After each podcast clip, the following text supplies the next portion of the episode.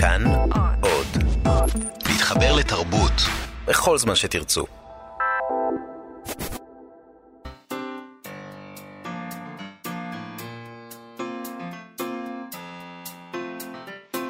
מה שכרוך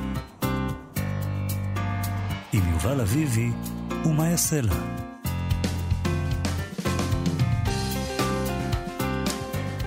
שלום, שבוע טוב, אנחנו מה שכרוך, וכאן תרבות, מגזין הספרות היומי שלכם. אפשר להאזין לנו כרגיל ב-104.9 ו-105.3 FN, או ביישומון של כאן. אה, אפשר למצוא אותו בחנויות האפליקציות, חינם אין כסף. איתנו באולפן איתי סופרין על ההפקה ורועי קנטן על הביצוע הטכני, שלום ותודה לכם. וכמובן, מה יעשה לה? שלום. שלום וברכה, אנחנו נדבר היום עם דוקטור מיכל דליות בול, שתרגמה מיפנית את הספר חתן הולך על ארבע של אה, יוקו טוואדה, שיצא עכשיו בהוצאת אסיה. היא גם כתבה אחרי דבר מאוד מעניינת על הקשר שבין שתי הנובלות, אה, מדובר פה בשתי נובלות שמרכיבות את הספר הזה, ועל החלק המרכזי שיש בספר לסימנים בסינית, אה, שנעשה בהם שימוש ביפנית. זה, מדובר פה בספר נהדר. ספר שהוא אה, כמו לפסוע ל mind היפני, אבל גם ל mind של הזר. אה, ולא רק האדם שמרגיש שהוא זר, אבל גם האדם שנראה זר. זאת אומרת, אם אתה יפני, אתה לא יכול פשוט לא להיות יפני. אה, אם אתה שחור, אתה לא יכול... לא... אנחנו למשל יכולים להרגיש נורא שונים. אה, באיזשהו מקום, אבל אנחנו הולכים ברחוב, אף אחד לא שם לב, אנחנו רגילים, אנחנו הרגילים. אבל כשאתה חושבת... כל הזמן הדבר הזה, אתה לא יכול לא להיות. אבל את חושבת שכשאת הולכת, נגיד, במדינה אחרת, את רגילה ולא זרה? אה, יכול להיות שרואים שאני תיירת, אה, או אם אני אסע לאפריקה, אז ברור שאני הלבנה. אבל כן, כשאני הולכת באירופה, אני, אני סתם עוד בן אדם שהולך ברחוב. אלא אם כן, אתה יודע, אני הולכת עם מצלמה כזאת של, של יפנים. של יפנים. אני חייבת להגיד שאומנם אני, אין לי שום יכולת לקרוא את הספר הזה ביפנית, אבל אני מאוד מאוד התפעלתי מהתרגום, כי התרגום הזה הוא, הוא כזה שאתה ממש מרגיש שקראת את הספר ביפנית.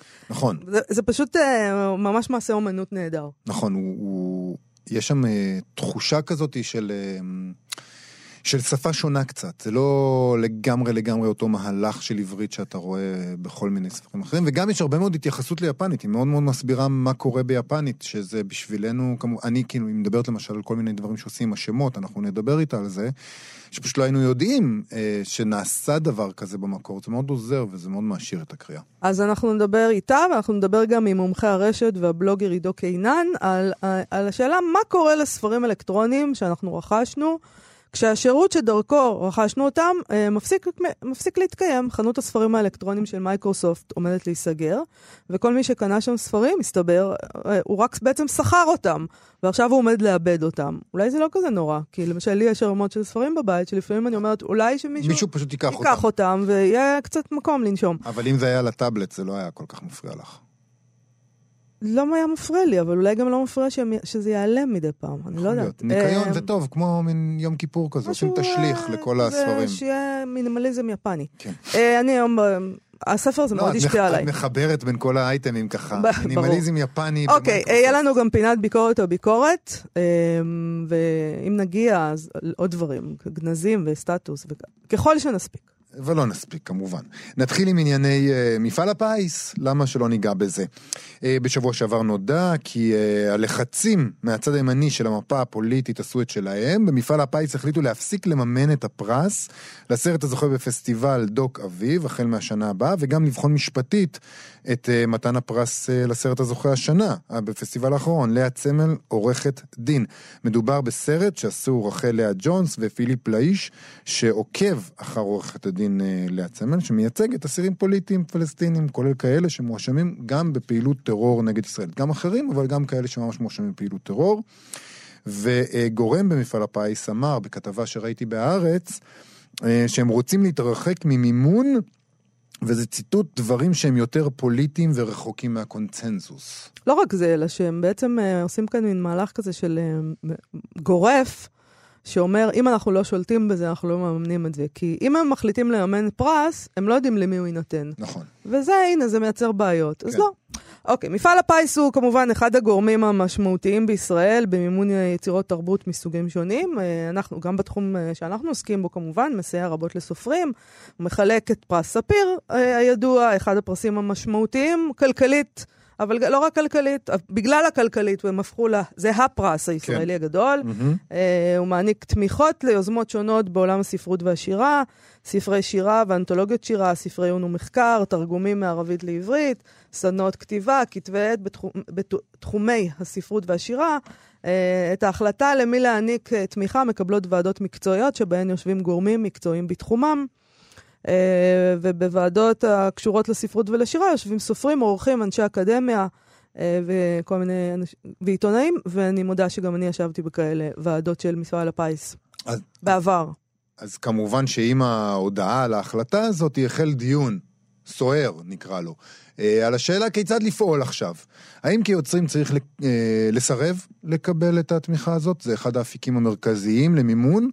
אה, והאם נגיד אותם גורמים מקצועיים שיושבים בוועדות האלה, שדרך אגב עכשיו פשוט אה, הדירקטוריון אה, עקף את החלטתם, כן? הוא בעצם אמר להם, לא, אתם מחליטים, אבל אנחנו מחליטים עוד יותר. אה, האם אותם גורמים מקצועיים היושבים בוועדות האלה צריכים לפרוש מהן? זה דומה נגיד למה שכתב כתב האופנה של אקסנט, איתי יעקב, הוא כתב את זה לגבי מעצבי אופנה צעירים בישראל, תחום שגם כן אה, אה, נתמך רבות על ידי מפעל הפיס, אבל זה תקף לגבי כל מי שמקבל עכשיו כסף, זה בעצם התהייה של האנשים האלה, ככה הוא כתב. מסכנים מעצבי האופנה הצעירים הם בפלונטר.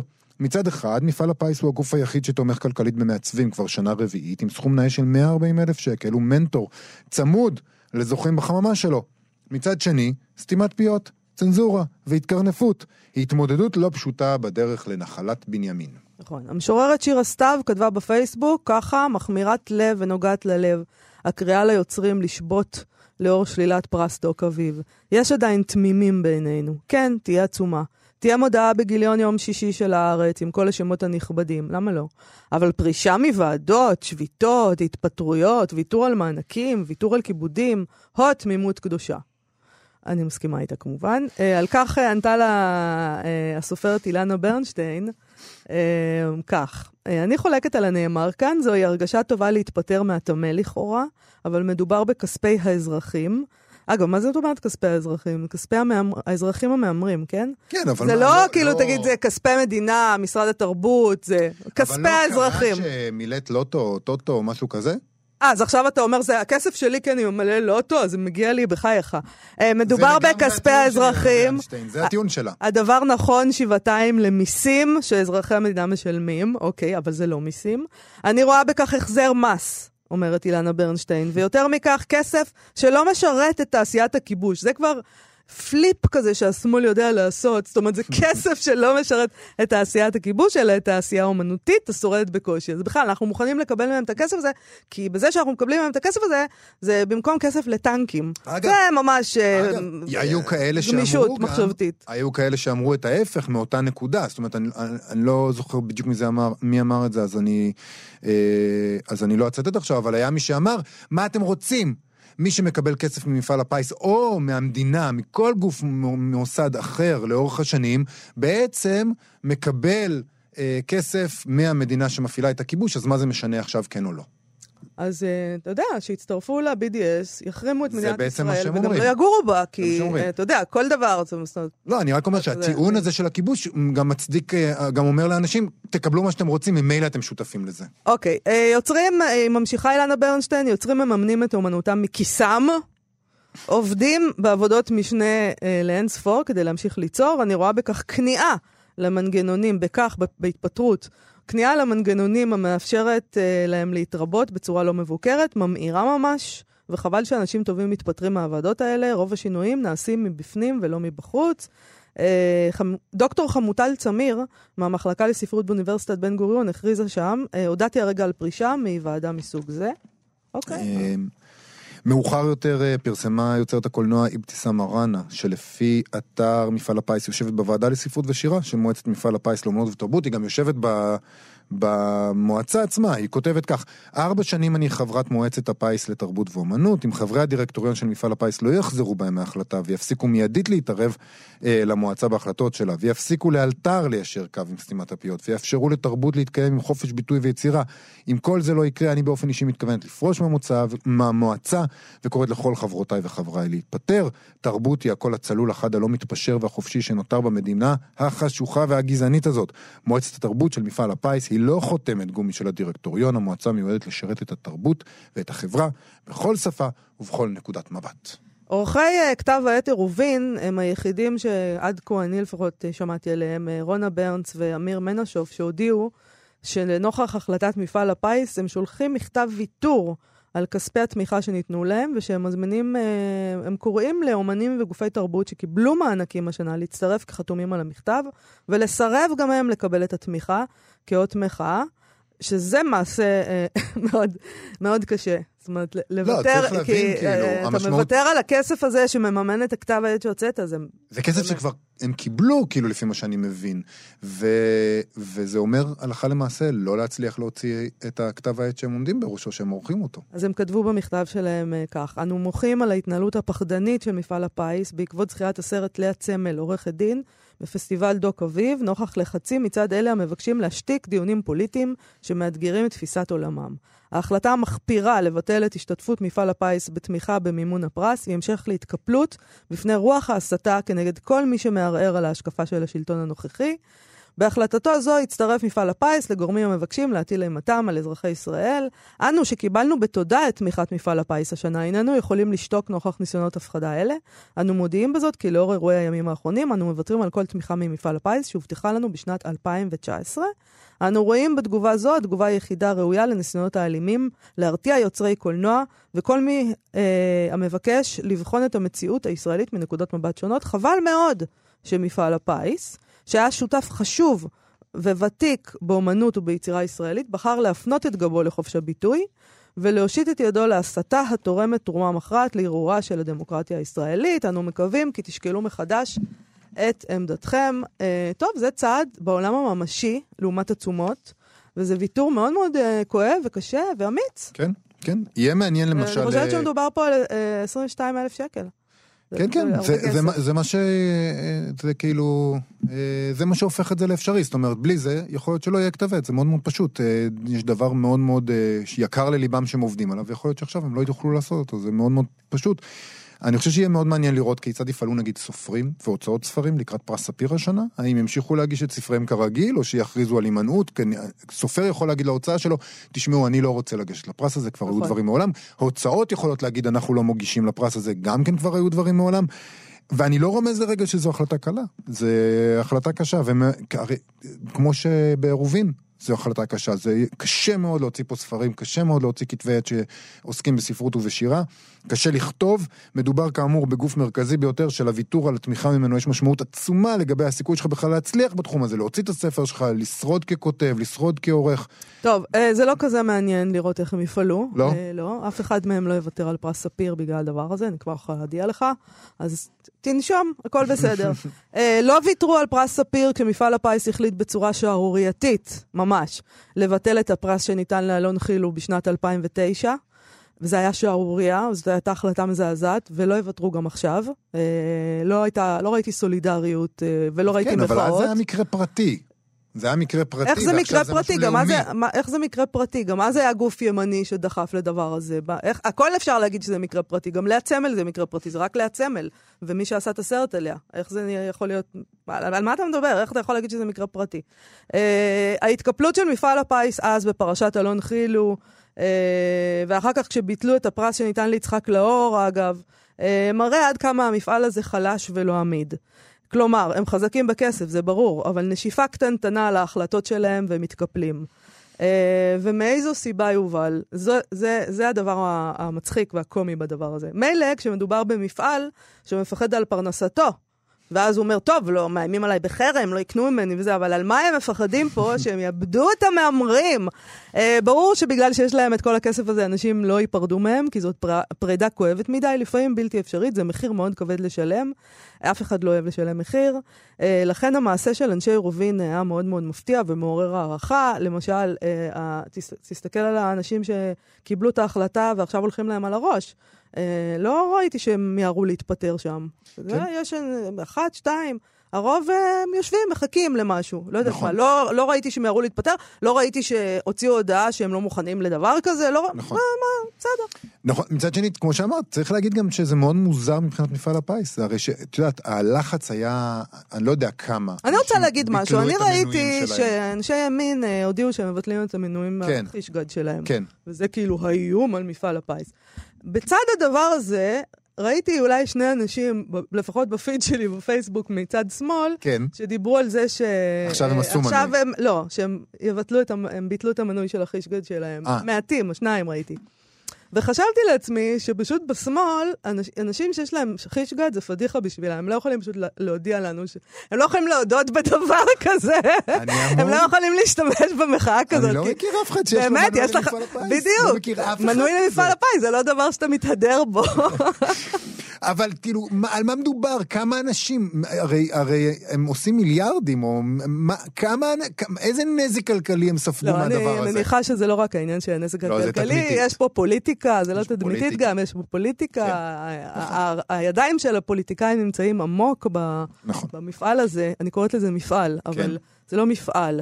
אה, מפעל זה מקום שיש אנשים שעובדים בו, אתם יודעים, צווארון כחול, כאילו... רגע, אבל צריך גם... שמים את התירס בשימורים. בסדר, הטענות על זה שזה כספי הימורים, ושכאילו, ושהפוליטיקאים מעורבים בזה והכל נכון, סבבה. צריך גם להגיד שמפעל הפיס עושה המון דברים טובים, כאילו הם, הם באמת תומכים בתרבות, והם בונים את כל, את כל האולמות ספורט, ואת כל המתנסים, ואת כל הדברים האלה, הם עושים עם הכסף הזה. אבל למה, איך זה יכול להיות שגוף כזה, שהוא גוף כל כך עשיר, מתנהג בצורה כל כך רכרוכית? את זה אני לא יכולה להבין.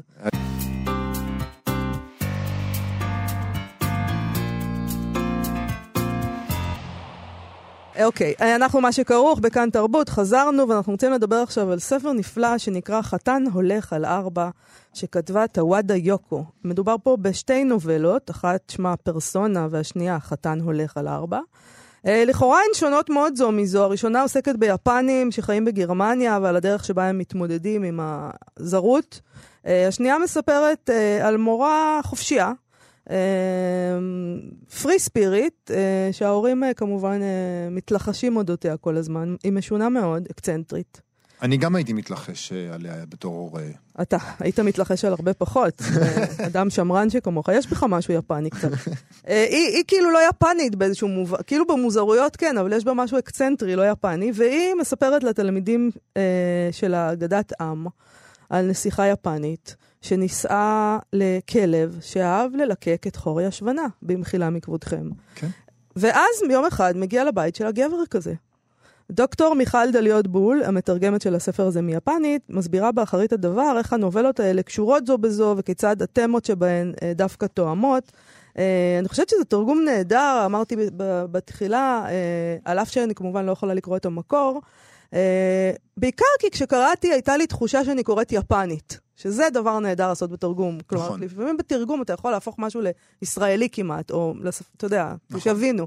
ופה היא עושה, אני לא יודעת איך היא עשתה את זה.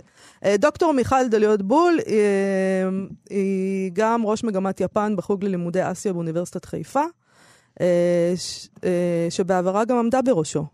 שלום, דוקטור מיכל דליות בול. שלום רב. אה, תודה רבה על המילים החמות של הספר, מאוד, אה, אני מאוד... תודה שתרגמת אותו. אני רוצה להתייחס אה, קודם כל למשהו שאת כותבת באחרית הדבר, להתחיל בזה. את פותחת בתיאור של פרופסור המכונה החתול. שמלמד באוניברסיטה שנמצאת בקצה הצפוני המרוחק של האי המרכזי של יפן, ושבמקום הזה, האוניברסיטה הזאת, את כותבת, נאספים אנשי רוח כישרוניים שלא התכוונו ואולי לא הצליחו להשתלב במערכת הממסדית. ואת אומרת שהחתול הוא זה שהמליץ לך לראשונה על טוואדה יוקו, ואני חייבת לומר לך שבהתחלה זה נשמע לי כמו טקסט של טוואדה יוקו. אמרתי לעצמי, רגע, מה? החתול? ספרי על החתול. הוא מאוד ישמח לשמוע את זה. החתול הוא באמת פרופסור, הוא פרופסור באוניברסיטת אקיטה אה, בצפון יפן, והוא קורא לעצמו החתול, הוא קורא לעצמו קאט באנגלית ונקו ביפנית, למרות שיש לו שם, אבל הוא אוהב שקוראים לו החתול. אוקיי, זה פשוט אה, יפני אקצנטרי. אתה בהתחלה קורא... זה בדיוק, זה אפרופו המורה מהסיפור השני שנראית לך אקסצנטרית, אבל לא בטוח אם היא יפנית או רק אקסצנטרית, יש בהתנהגות שלו גם כן משהו מאוד אקסצנטרי. אה, זה משונה כי הוא נמצא באמת בפריפריה, זה, זה מקום מאוד פריפריאלי. כן. זה המקום שבו הוא נמצא באוניברסיטת אקיטה, זאת לא אוניברסיטה מאוד חשובה. אקיטה זה מקום מאוד מאוד פריפריאלי ביפן, אה, זה מקום שסובל מכל מיני תופעות של פריפריה. אבל באמת אה, איכשהו, איכשהו החיים הביאו אותי לזה שיש לי קשר עם אנשים שם, וגיליתי שם אנשים מאוד מאוד מאוד כישרוניים, בוגרים של האוניברסיטאות הכי טובות ביפן. אה, שחלקם בחרו להגיע לשם, ממש בחרו, זאת אומרת העדיפו להגיע לשם מאשר לאחת מהאוניברסיטאות המעולות של יפן, נגיד בטוקיו או מסיבות אקצנטריות. זהו, אולי שם יותר קל להיות אקצנטרי מאשר במרכז. בכלל, אולי זה נכון ככה לכל מקום אולי. אבל אולי גם הדימוי, שאנחנו יש לנו כמערבים, יש לנו דימוי של יפן כמקום סופר הומוגני, שבו כולם מרגישים חלק מאיזה אורגניזם אחד ש... שהוא לא, המדינה? לא, משהו שהם אנשים מאוד מאוד uh, ממושמעים ומופנמים ו... אז יכול להיות שלא כולם כאלה, פשוט. יכול להיות שיש הרבה מאוד אנשים, יש איזה דימוי כזה. אף פעם לא כולם, זה לא... ואולי יש יותר כאלה ממה שאנחנו חושבים. אני אגיד לכם מה אני חושבת, אחרי באמת הרבה מאוד שנים של אה, היכרות אה, עם התרבות הזאת, או הליכה צד בצד עם התרבות הזאת, כי למרות שיש לי כמובן קשרים מאוד עמוקים אליה, אני לא חלק ממנה.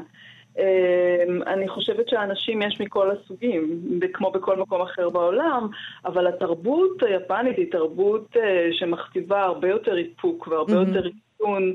מהתרבות שלנו, כמובן, שהיא בקיצון, בקיצון בצד האחר. כן. אז יש הרבה איפוק והרבה ריסון והרבה שליטה עצמית, אה, וזה כמובן אה, גורם גם לתופעות מאוד קיצוניות. אז, אז למשל, אם אתם מסתכלים על התרבות הפופולרית היפנית, יש בה תופעות מאוד מאוד מאוד קיצוניות. כמו להתחתן עם איזה בובה כזאת, שיש להם את התופעה. זו תופעה קיצונית ואזוטרית, אבל מושכת מאוד את תשומת הלב שלנו, כי כן. היא כל כך... אבל גם uh, כאילו השעשועונים שלהם, שאתה לפעמים רואה ב... זה שונה מאוד מאיך שהם הרבה פחות שמרנים מהשעשועונים שלנו. נכון שזה מאוד מעורר מחשבה, כי הם כל כך, כל כך... השעשועונים בעצמם מגיעים לפעמים למקומות קיצוניים ביותר, ואתה חושב איך זה יכול להסתדר עם האנשים האלה שהם בחיי היום-יום במרחב הציבורי, בדרך כלל מתאפקים באיפוק רב ובשליטה עצמית ובריתמות ובטלוויזיה מרשים לעצמם להשתולל בצורה כזאתי. אה, וסרטי האנימציה היפנית והמנגה היפנית והספרות היפנית שלפעמים מגיעה באמת למקומות אה, מאוד נועזים. אז ספרי לנו על טוואדה יוקו, על הסופרת הזאת. טוואלה יוקו היא ילידת 1960. היא בעצמה סיפור מאוד מעניין, כי היא סיימה תואר ראשון בווסדה, שזו כן אחת האוניברסיטאות הטובות ביפן בטוקיו, ומיד עזבה לגרמניה, אה, להמבורג, היכן שמתרחש גם אה, הסיפור הראשון, כן. אה, הנובלה הראשונה בספר שלנו, ומאז היא חיה בגרמניה. Mm. אוקיי. והסיפור המעניין איתה זה שהיא ממש מהר מאוד, למרות שזאת לא שפת אם שלה והיא רכשה אותה בגיל מאוחר, התחילה לכתוב גם ביפנית וגם בגרמנית. Uh, הרבה פעמים ספרים שנכתבים בצורה דו-לשונית, גם ביפנית וגם בגרמנית, ספרים שנכתבים מראש רק בגרמנית או רק ביפנית, מתורגמים לשתי השפות. Uh, והיא זכתה בפרסים, בפרסים החשובים ביותר בגרמניה וגם בפרסים החשובים ביותר ביפן. אה, אני חושבת, למרות שהחתול הוא זה שהציג לי את אוהדה יוקו, אמ, אה, היא גם ביפן אה, בעצם בשנים האחרונות נכנסת יותר ויותר לקנון הספרותי היפני, שדרך אגב, משהו שהיא חלק מהמאפיינים שלו, בשנים האחרונות נכנסות אליו יותר ויותר נשים. אבל יש, הם, הם קוראים אותה, היא, היא גם ביניהם היא אקצנטרית ומשונה? ברור. אוקיי. Okay. אבל זה אקצנט משונה, אך גם מאוד מוערכת. כן. הסיפור השני, הנובלה השנייה ש, שבספר שלנו, חתן הולך על ארבע, אה, זכתה בפרס, אחד הפרסים הכי יוקרתיים ביפן, בפרס אקטגאווה. אה, זה אחד הפרסים הכי יוקרתיים ביפן, והיא זכתה בו כבר ב-93 כשיצאה. אז בואי, אז בואי באמת נדבר על, על אגדת העם הזאת, על הנסיכה היפנית שנישאה לכלב שאהב ללקק את חור ישבנה. אה, יש אגדת עם כזאת באמת? אני הייתי צריכה לחפור בשביל למצוא אותה. זה לא okay. אוקיי. אגדת עם מאוד מוכרת, כמו יש הרבה אגדות עם שגם יש להם uh, כל מיני עיבודים, שאפילו את חלקם uh, מגיעים לישראל, uh, ואולי אם אני אזכיר אותם אתם תזכרו ששמעתם עליה, נגיד, יש באמת אגדת, יש הרבה אגדות גם שמדברות על uh, נישואים בין חיות mm-hmm. לבני אדם, למשל יש את הסיפור המפורסם שגם אני מזכירה אותו בספר של uh, uh, האגורה, האגורה ש... צייד מציל אותה, או, או מישהו, היא נלכדת, סליחה, היא נלכדת במלכודת של ציידים, ומישהו מציל אותה, ואז היא חוזרת אליו בדמות של אישה, ומתחתנת איתו, והופכת אותו לבן אדם מאוד עריש, עשיר, כן. כי היא הורגת בדים שבהם היא משלבת מהנוצות שלה, והתנאי היחיד לעולם לא, שהוא לעולם לא יסתכל בחדר שבו היא יושבת. Mm. וכשהוא מסתכל בחדר, הוא מגלה שהיא אגורה, וברגע זה היא עוזבת אותו. Okay. אוקיי. זה סיפור הרבה הרבה יותר מוכר. הסיפור הזה על אה, הכלב החתן הוא סיפור שצריך ממש ממש לחטט ולחפור כדי למצוא אותו. אה, זה לא סיפור מאוד מוכר, אבל זה סיפור שמתגלגל לא רק ביפן, אלא גם בדרום מזרח אסיה. יש לו הרבה מאוד גרסאות. הרעיון המרכזי הוא של איזה נסיכה שמתחתנת עם כלב, אבל יש לזה כל מיני סיומות. אה, והיא לוקחת את הסיפור הזה, ונותנת לו אינטרפרטציה, לא רק אינטרפרטציה משלה, אלא גם סיום משלה ומשלבת אותו בתוך המציאות של הסיפור שלה, כמובן בצורה מאוד אידיוסינקרטית ומאוד uh, מקורית. אז הנובלה הזאת היא מתעסקת המון המון בשאלה גם של זהות, של מי אתה. היא מאוד מאוד זרה בתוך יפן, היא מאוד מאוד שונה, לא רק מהדימוי של יפני שלנו, אלא גם מהסביבה שלה. המורה, ו... אתה מתכוון. המורה, כן. כן. וגם בסיפור הראשון יש תחושה אה, חזקה של זהות, ומצד שני של, של זרות. זאת אומרת, הצורך לחפש מי אתה במקום הזה של, של היותך זר. נכון. אה, גם כמובן שתי הגיבורות אה, הן נשים, שזה מאוד חשוב. אני חושבת שזה מאוד עוזר, אה, זה לא חייב, אני חושבת שהסיפורים, למרות שהם, כמו שאתם תיארתם מאוד יפה, הם סיפורים מאוד יפניים, כי הם משתמשים בדימויים יפניים, וה, והתיאורים הם יפניים, והשמות הם יפניים, אז למרות שזה סיפורים יפניים, אני חושבת שהם עוסקים ב, ב, ב, בסוגיות מאוד אוניברסליות, אבל אני חושבת שבשביל עוד קצת להבין את הסיפורים, או לחשוב עליהם עוד קצת יותר עמוק, צריך לזכור שהם נכתבו, או אפשר לזכור שהם נכתבו בתחילת שנות התשעים, mm-hmm. שזה שנים שבהם בעצם אה, יפן בעם, כמו שאנחנו הכרנו אותה משנות ה-80, הכלכלה היפנית העוצמתית הזאת בעצם נכנסת לתקופה של מיתון מאוד עמוק. אה, ובתחילת שנות התשעים, זאת לא במקרה גם תקופה שהקול הנשי ביפן מתעצם מאוד, דווקא על רקע של ההתפוררות של יפן בעם, שהיא חברה מאוד מאוד גברית ומאוד מאוד פטריארכלית.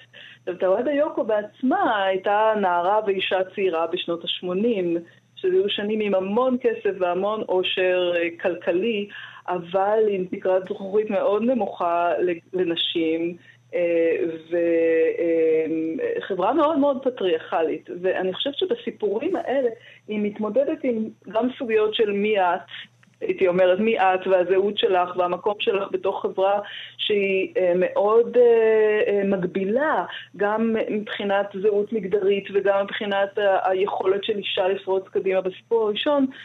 מה שעוד יותר הופך את זה לטרגי זה שהגיבורה של הסיפור עוזבת את יפן והולכת לדעתי עם המון המון נכונות להמבורג היא, היא, יש לה חבר גרמני ויש לה חברים גרמניים ונושא המחקר שלה הוא מאוד פתוח והוא טרנס-לאומי והיא היא, היא רוצה לחצות את הגבולות המאוד מגבילים של יפן בעם, של תפיסות מאוד מגבילות של מגדר וזהות והיא מגיעה להמבורג ומגילה שבעצם בהמבורג אותו דבר. יפנית, כן. אותן תפיסות חלות עליה גם שם. אני רוצה, סליחה יובל. אני רציתי רק בקשר לזה לשאול, יש בעצם איזושהי התייחסות גם מאוד מאוד פוליטית לעבר המשותף של שתי המדינות האלה. לגמרי, לגמרי, נכון מאוד. יש שם, אה, בסיפור הראשון ממש, זאת אומרת, אה, יש איזה... אה, חלק מהביקורת שלה זה גם על הממסד הבורגני באשר הוא, והאמנזיה המוחלטת שתוקפת אותו כאשר נוח לו, ובאיזושהי סצנה בסיפור היא עוקבת בחלחלה ובזעזוע על אה, סיפור האהבה שמתרחש, אהבה במרכאות שמתרחש בסוף, בתחילת שנות התשעים בין יפן וגרמניה, עם אמנזיה מוחלטת לגבי מה שקרה באמת במלחמת האוקיינוס השקט. אני רוצה... כן, סליחה. אני כן. רוצה לשאול אותך לסיום, פשוט זמננו קצר, לצערי, צריכה לדבר איתך עוד יותר, אה, על, על, על עבודת התרגום. כי באמת, אה, גם היא מתעסקת פשוט, אני, נכון. את, את רואה שהיא מתעסקת שם באיות של השמות ובסימנים. נכון. ובעצם, אה, אני דמיינתי לעצמי שכמתרגמת, את אה, פשוט התיישבת מול זה, ואולי בהתחלה אמרת, טוב, אי אפשר לתרגם את הסיפור הזה לעברית, פשוט לשום שפה בעצם. אמ, אני אגיד לך, קודם כל אה, לתרגם זאת, אה, זה ת- ת- בתרגום תמיד משהו הולך לאיבוד, ולדעתי תרגום זה, זה, זה תמיד הרבה יותר ממה שנראה לעין בתוצאה הסופית, ותמיד יש אתגרים ש, שאין אין אפשרות להתמודד איתם. טוואדה יוקו בעצמה, יש לה גישה מאוד מעניינת לסיפור הזה, דווקא בגלל שהיא עומדת בין שתי שפות. הקשר בין שפה ומציאות מאוד מרתק אותה ומאוד מעניין אותה, ואפילו בכל מיני רעיונות היא מעודדת מתרגמים שלה להמציא מחדש מושגים שאי אפשר לתרגם Mm, אותם. לעשות, להמשיך לגלגל את זה הלאה ולעשות עם זה משהו חדש. אני חושבת שאני, אה, ויש לי עוד, עוד עמיתים כמותי, לא רבים, אבל עמית, עמיתיי שגם הם בוחרים אה, לנסות לשלוח את ידם בתרגום, אלה שמגיעים כמוני מתוך היכרות מאוד עמוקה עם התרבות היפנית ואיזושהי תחושה של אה, חובה של יושרה מקצועית בעבודה הזאת, תמיד יש את, את, את הוויכוח הפנימי הזה, כמה אתה צריך להיות דידקטי ו, ולהסביר לקורא שלך בדיוק, בדיוק, בדיוק מה שהתרחש במשפט הזה, כדי שהוא יבין בדיוק, בדיוק. כן. אז תמיד צריך להגיע לאיזושהי פשרה בעניין הזה, אבל זאת חוויה... אה, בגלל זאת לתרגם, זאת חוויה מאוד מרגשת. אה, דוקטור מיכל דליות בול, אנחנו רוצים להודות לך מאוד על השיחה הזאת. אנחנו מודים לך על התרגום הזה. ולהודות על התרגום. כן. אה, לי מאוד עזר ההערות שוליים, ואני חושב מאוד. שזה- אני חושב שבלעדיהן, הקורא הישראלי יפספס משהו שהוא בכלל לא ידע שהוא מפספס אותו בלי ההערות האלה. מי שיקרא את הספר יבין ודאי על מה אנחנו מדברים, בעיקר קשור לאיזה מדרש שמות שיש שם, אבל לצערנו, אה, זמננו כאמור אה, תם. אנחנו דיברנו על חתן הולך על ארבע, זה יצא בהוצאת אסיה בתרגומך, תודה רבה לך על השיחה הזאת. תודה רבה לכם. להתראות. יום טוב.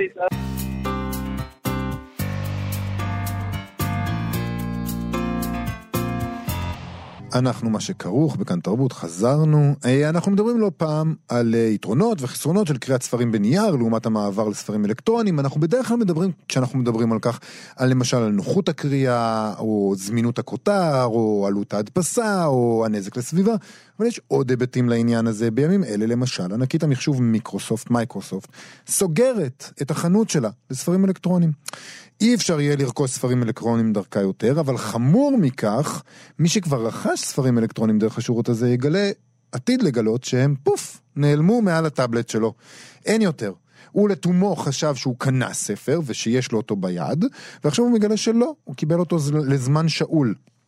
ובטוויטר, בציוץ שהפך לוויראלי, כתב רוב דונוגי, שהוא בעל חברה לפיתוח משחקים, שהספרים יפסיקו לעבוד. אני לא יכול להאמין במשפט הזה. אני אומר את זה שוב ושוב, וזה נשמע יותר גרוע בכל פעם. שלום uh, למומחי הרשת והבלוגר עידו קינן. שלום. Uh, אתה אמור להסביר לנו למה הספרים האלה בעצם נעלמים. טוב, אז אה, כמו שרוב דונאיו כתב, אה, באמת המשפט הזה, The books will stop working, זה בהודעה הרשמית של מייקרוסופט, הספר שלך לא עובד יותר. שאפשר לצחוק הרבה על מייקרוסופט ועל הודעות השגיאה שהיא אה, הנחילה לנו, אבל מה שקורה פה זה תזכורת אה, שאנחנו מקבלים מדי כמה חודשים או שנים אה, כששירותים נסגרים או משנים מודל עסקי או מחליטים, אה, אוסף התרבות שלנו, הספרים, הסרטים, המוזיקה, אה, ברגע שהוא עבר מהמדפים שלנו למחשב שלנו ואחר כך לענן, לשירותי הענן, לשירותי ההשכרה והאזנה וסטרימינג, הזרמה, הוא לא שלנו יותר. הוא נמצא, הוא בעצם, אנחנו אה, חוכרים אותו אה, לטווח ארוך, ויום אחד מישהו יחליט להוריד אותו, והוא לא יהיה שם יותר. אני רוצה להזכיר סיפור מלפני עשר שנים, ממש, יולי 2009, אמזון, אנשים שמשתמשים בקינדל של אמזון, גילו שהעותק שלהם של 1984, של ג'ורג' אורוול, נעלם. מסתבר שלאמזון היה איזה שהוא עניין של זכויות יוצרים עם ההוצאה, והם פשוט מחקו את זה. אה, כמובן החזירו את הכסף, כמובן שתמיד גם מייקרוסופט עכשיו החזירו את הכסף אה, לכל הרוכשים. זה לא כל כך משנה, החזירו, לא החזירו, זה עניין חוזי ותקנוני, אבל אנחנו לא שולטים בספרים שלנו, ב... ב, ב פריטי התרבות שלנו בארטיפקטים האלה. שמע, מבחינה ספרותית זה פשוט דבר נפלא. זה ממש מסעיר את הדמיון, באמת, זה נשמע לי כמו... ניקוי מדפים. לגמרי, זה משהו מהמם, גם זה, תאר לך עולם שבאיזשהו שלב יפס... יוותר לחלוטין על הספר, ה... על הספר, עם הדפים, כלומר, לא יהיה את זה יותר, יהיה רק ספרים דיגיטליים, ואז ספרים פשוט באמת ייעלמו מן העולם. הם יוכלו להיעלם. אני רוצה, בדיוק, בדיוק. אני רוצה להגיד, רציתי להגיד שכאילו העובדה שזה קרה עם הספר 1984 זה פשוט קל מדי, זה כאילו... כאילו כותב את עצמו. למה הקלישאות האלה? תנסו לאתגר. תגיד, אבל, כן. אבל המודל אה, אה, של מייקרוסופט הוא שונה ממודלים אחרים? זאת אומרת, יש חנויות שמתנהלות אחרת? אה, בארץ, עד כמה שידוע לי, כל ההוצאות, כל ה, סליחה, כל האפליקציות וכל המכשירים משתמשים ב... ניהול זכויות קניין אה, בראשי תיבות נזק ובאנגלית DRM, שזה בעצם המחסום פה, הטכנולוגי. הרי יכולתי להוריד ספר, PDF, אה, או, או EPUB או כל, ה, או כל פורמט אחר, ומייקרוסופט היו סוגרים את החנות והספרים היו נשארים אצלי. הבעיה היא שהספרים האלה מוגנים בהגנות דיגיטליות על זכויות קניין, וה, וברגע ש... אה, אין יותר מי שיפתח את זה, זאת אומרת המפתח שנמצא אצל מייקרוסופט נעלם, נסגר, אז, אז הקובץ יכול להישאר אצלך אבל לא תוכל לפתוח אותו. אה. וה... והאמת שגם נתנו מעקף לזה. זה הופך את הספר, עדיין יש לך את הספר, אתה רק לא יכול לדפדף. אתה לא יכול לפתוח אותו. אבל ממילא כשזה בספרייה אתה לא פותח אותו, זה בסדר. אבל לפחות הוא עומד שם ואנשים רואים אותו. כן, זה נכון. בטאבלט אפילו זה לא. מבחינה טכנית שרוב דונאי בהמשך השרשור הפנה למאמר שמסביר איך כן אפשר להוריד את הספרים, והוא אומר, אני לא בעד פיראטיות, אבל... אה, זה לא פיראטיות. אבל רגע, יש בעולם מעבר למה שקורה בישראל מודל אחר? אפשר לעשות את זה אה, אחרת? אני, עד כמה שאני זוכר, אמזון עצמם אה, דיברו על אה, ספרים שיהיו במודל ללא DRM במחיר יותר גבוה טיפה. העניין הוא, למשל בארץ, כל, ההוצ... כל האפליקציות חוץ מהליקון נדמה לי, יש להם DRM, והסיבה היא ההוצאות, המו"לים. הם לא רוצים שהספרים שלהם יסתובבו. אפשר להבין אותם. למה אפשר להבין? מי רוצה לגנוב היום ספרים? בחייך? לא, אבל אם יהיה קובץ פתוח, קובץ פתוח שאני יכול לשלוח אותו לעשרות אלפי אנשים, זה בעיה? כן, אבל אתה יודע משהו? כן. לאורך השנים הוכח בעוד ועוד ועוד מקרים ש-DRM מגן על אה, אה, אה, מפריע למשתמשים הלגיטימיים ולא מזיז להאקרים, כי ההאקרים פורצים את ה-DRM, כמו, שאני, כמו שדונה יורה פה, אפשר לפרוץ את זה, אפשר להוריד את הספרים. זאת אומרת שמישהו משתמש לגיטימי, משלם, עושה הכל לפי הספר, אין לו ספר. ומי שעוקף את זה, עוקף את זה. אז המחשבה שאם אתה תשמור על הקובץ שלך, אה, מוגן, אף אחד לא ישתמש בו ואף אחד לא יוכל להעביר אותו הלאה. אתה אומר מי שרוצה ימצא דרך. הבנתי אותך. אתה יודע, בוא, בוא ניקח שני אנשים, אחד שילם ואחד הוריד את זה מאתר פיראטי. כן. המשלם נדפק. הוא שומר את הספר, זה ששילם נדפק. נכון. איך זה יכול להיות ש, שתעשייה אה, אה, ממשיכה לעבוד ככה, תעשיות תוכן כל כך הרבה שנים, ולא מבינות את האמת הפשוטה הזאת? אז המודל בעיניך הוא שזה צריך להיות פשוט פתוח? שילמת, קיבלת PDF פשוט ותעשית מה שאתה רוצה? אני בטח, אני בטח לא רוצה להגיד לסופרים שזה בסדר עכשיו שיפיצו את הספרים שלהם בלי לשלם להם, אבל אני חושב שההגנות האלה הן לא עובדות ודינן אה, לא לעבוד ולפגוע בלקוחות, ותחשוב כסופר, האם יש לך דרך אחרת? האם אתה יכול לשים QR קוד בפתח הספר ולהגיד, אני אשמח אם אתם נהניתם מהעבודה שלי, שתיתנו לי קצת כסף כדי שאוכל אה, להמשיך ולהתפרנס מזה. אה, אנחנו רואים שתעשיית המוזיקה אה, הצליחה להתגבר על ה... על ענייני הפיראטיות, פשוט באמצעות אספקת שירות טוב, אבל אני מזכיר שוב, ספוטיפיי יכולים להוריד שיר מהמאגר שלהם, ואז הוא לא יהיה זמין. ואם mm. במקרה אין לאף אחד אותו, אז הוא לא יהיה קיים. זה מעניין, כי אז בסופו... של דבר... זה האח הגדול האולטימטיבי. גם בסופו של דבר, מה ישרוד? מה ישרוד לשארית הציוויליזציה? הספרייה הלאומית למטה, מתחת לאדמה, יש להם הכל. מה שישרוד בסופו של דבר אה, זה קלאסיקות וספרים ש... אה, מישהו טרח אה, לפרוץ אותם, מכיוון שהם היו חשובים לו. Mm. אה, אתה יודע, אתם יודעים, הרבה פעמים אנחנו אה, מגלים פתאום איזשהו... אה, שיר חדש ש, שהיה גנוז, או אה, איזה סרט שנהרס והצליחו לשחזר, מטרופוליס למשל. זאת אומרת, ההאקרים הם בסופו של דבר יצילו את התרבות שלנו אה, הללויה, הללויה. עידו קינן, מגיש הפודקאסט שרת התרבות וכותב הבלוג חדר 404, שכחנו לציין את זה בהתחלה, סליחה. תודה רבה לך על השיחה הזאת. תודה לכם. להתראות.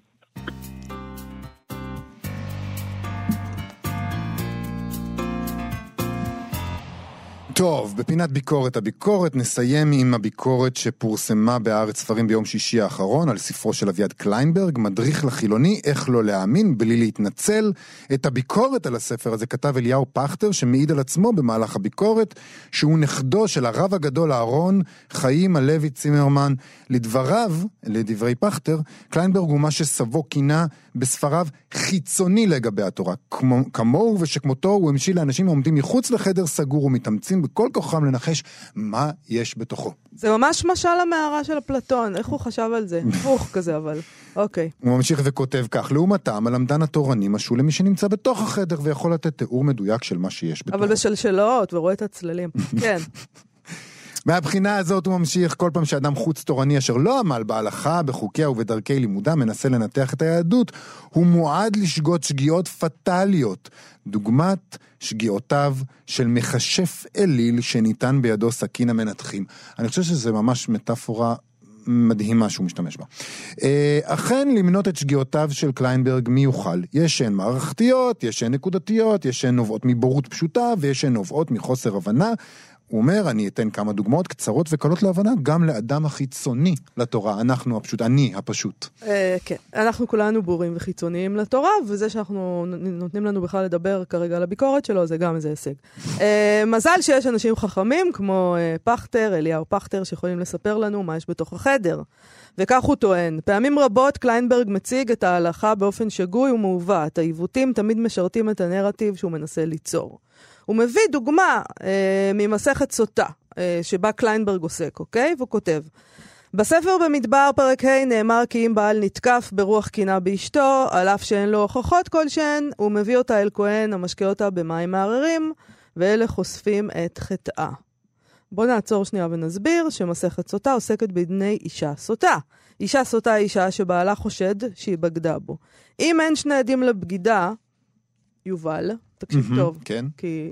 כן, אני רוצה לדעת, אני רוצה לדעת. אם אין שני עדים לבגידה, עושים לאישה החשודה בדיקה מיוחדת ונותנים לה לשתות מים מרים מערערים, שהם איזה מין סוג של, לא יודעת, מים קדושים, אה, מכונת פוליגרף כזאת.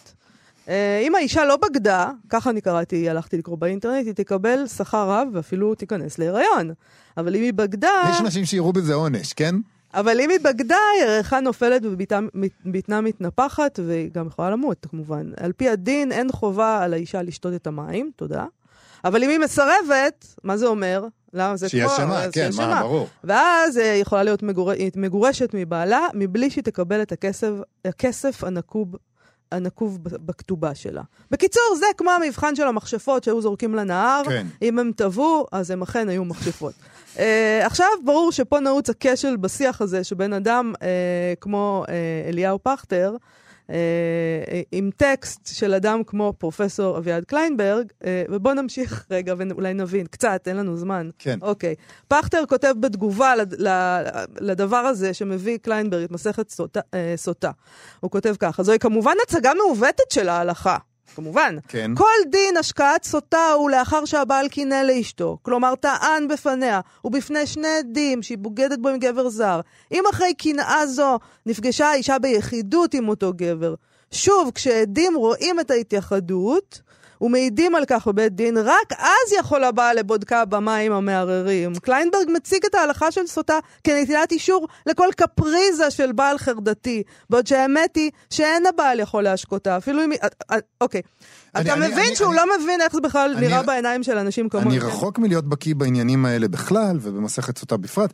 אני מבין נכון שמה שהוא מנסה להגיד, פכטר, זה שקליינברג מציג בצורה מגמתית את האפשרות של בעל להביא את אשתו על כהן, שמשקה אותה מים מיוחדים שמזהים אם בגדה בו, ואם כן, ואם באמת עשתה את זה, מענישים אותה פיזית, המים. כן, כן. זאת אומרת, יש דרך נאותה לעשות את הדבר הזה, היום, ב-2019, ויש דרך שאינה נאותה. תשמע, אה, פכטר חושב שקליינברג חיצוני לגבי התורה, זה הכל, אבל מר אה, פכטר הוא כמובן חיצוני בעצמו, אה, ואני חושבת, חייבת לומר, למען האמת, קצת פוגע בי שנאלצתי לקרוא את הטקסט הלא מאוד מפותח. שהוא כתב, אה, שמתאים אולי אה, להעביר אה, לרב שלו בישיבה, כדי שהוא יראה שהוא תלמיד חכם, אבל בוודאי שלא מתאים בעיניי ל... אני, אני, אני רוצה... כביקורת. להג... כן, אני רוצה להגיד שהוא מדבר על העניין הזה של מי הוא חיצוני ומי לא. אמ, הוא, הוא אומר... אה, אבל גם, גם את ביקורת המקרא הוא מבטל. בדיוק, כן. הוא, אומר, הוא אומר, אה, זאת אומרת, יש אנשים שמבינים, הוא אומר, מילא החילונים שלא מבינים כלום, בסדר? אבל יש חילונים שמבינים שעסקו בביקורת המקרא, הוא כותב עליהם בעבור האיש הטירוני. כל אנשי ביקורת המקרא, גם הם חיצוניים לתורה. את התורה האלוקית יש ללמוד בדרכי הפרדס, פשט, רמז, דרש וסוד, ובלבד שכלליהם נתונים בידי כל למדן תורני. זוהי הדרך לנתח את הטקסט המקראי, לא בהקשרים פילולוגיים, היסטוריים או תרבותיים. כל uh, לדידו של האיש התורני, הבאת טיעונים מביקורת המקרא, משולל להבאת טיעונים מן האסטרולוגיה. אני חייבת לומר שדווקא הטיעונים של אה, פכטר נשמעים לי מתחום האסטרולוגיה. Uh, הוא בעצם אומר, ככה זה, כי ככה אלוהים אמר, וככה תלמידי החכמים פירשו. זהו, זה ככה. שזה בסדר גמור שזה מה שהוא חושב, אין לי שום בעיה עם זה, אבל מה זה קשור לביקורת uh, ספרות, עוד לא כן, הבנתי. גם הוא לא מאפשר לאף אחד להשתתף בדיון בעצם. הוא אומר, אתם חיצוניים. אה, וגם אם אתם יודעים דברים, גם אם אתם למדתם, גם אם אתם השקעתם וזה וזה, אתם עדיין חיצוניים. והדרך היחידה שלכם להשתתף בדיון הוא אם תהיו חרדים ותקבלו את ההשקפה שלנו על העניין הזה, נכון. ואז בכלל לא צריך את הספר לא, הזה. לא, אבל uh, גם הטקסט פשוט ירוד. טוב, אני, אני נדהמתי מהטקסט הירוד הזה, אני, אני מבין לומר. אבל שאנחנו החילונים נדהמים מהטקסט הזה, אבל לא רק אנחנו. אוקיי, אז זהו. אני נדהמתי ממנו, וניגשתי לידידנו אלי ביטן, שהוא עיתונאי חרדי, מגיש התוכנית, מנדי ביטן, בכאן מורשת, אתה יודע. הייתי חייבת להבין מי יש פה משהו שפספסתי, כי העגלה שלי ריקה, אבל האמת היא שאלי ביטן הגיב בחומרה לטקסט הזה, ואני רוצה לקרוא לך מה שהוא אמר לי, יותר מאיתנו. אלי ביטן אמר כך: אוסף הבלים חסרי משמעות. הכותב לא התחיל להבין מה קליינברג רוצה. הוא מתפלמס איתו ברמה נמוכה ממש, רמת סמינר לחוזרים בתשובה במוטל מאובק בטבריה. מה שבתכלס מוכיח אחת לאחת את הטענות של קליינברג. צריך לומר שמראש קליינברג נתן מקום של כבוד לטיעון הדתי הווכחני, ולכן הטעות היא קודם כל שלו. זה כמו שתוציאי ספר איך להתווכח עם הילד שלך בן השש ולנצח. ואז הילד ישלח מאמר תגובה. למה ציפית? לכן אני חושב שבסופו של דבר יש כאן ביקורת מדויקת על קליינברג. נתת כבוד מוגזם למי שלא ראוי לו. כל מיני בורים נפוחים שמתחילים משפטים בהתורה הקדושה אומרת, או משוכנעים שכל גדולי ישראל שלטו בנבכי המדע והפילוסופיה. לדעתי, מי שהכי מובך מהתועבה הזו, אלו חרדים רציניים, ובניגוד לניחוח העולה מן הכתוב, יש חרדים רציניים. בחור מפוני בז' קורא כזה דבר ודופק את הראש בקיר. הפדיחה שזה מתפרסם בחוץ, בהארץ. מילא אצלנו מפרסמים ביתד נאמן, בסדר, זה בתוך המשפחה. אבל למה שם? בעיניי זה טקסט משפיל. אה, מילים אה, כדורבנות, אין מה לומר. מילים קשות. אני חושב, אני חושב שצריך לקרוא את הביקורת הזאת, כי זה לא לגמרי אולי אה, מקראי הביקורת שכתבנו פה, זה לא לגמרי ברור עד כמה הטיעונים של כותב הביקורת קצת מפספסים. לא, אין לו טיעונים פשוט, הוא לא, לא מבין את החומר. הטיעונים הוא, אתם מחוץ לתורה, ולכן אתם לא מבינים. אם יש סתירה ביניכם, זה בגלל שאתם לא מבינים. אם יש, אם אתם חושבים שזה לא נכון לעשות מסכת סוטה, אז זה בגלל שאתם לא מבינים. בקיצור, אסור להיות חילונים. זה המשמעות שאני הבנתי מזה. אוקיי. ובזה אנחנו נסיים להיום, נכון? נכון. נגיד תודה לרועי קנטן ולאיתי סופרין שעשו איתנו את התוכנית. נגיד גם שאנחנו נהיה פה שוב מחר עם כל הדברים שלא הספקנו היום. תודה, שלום.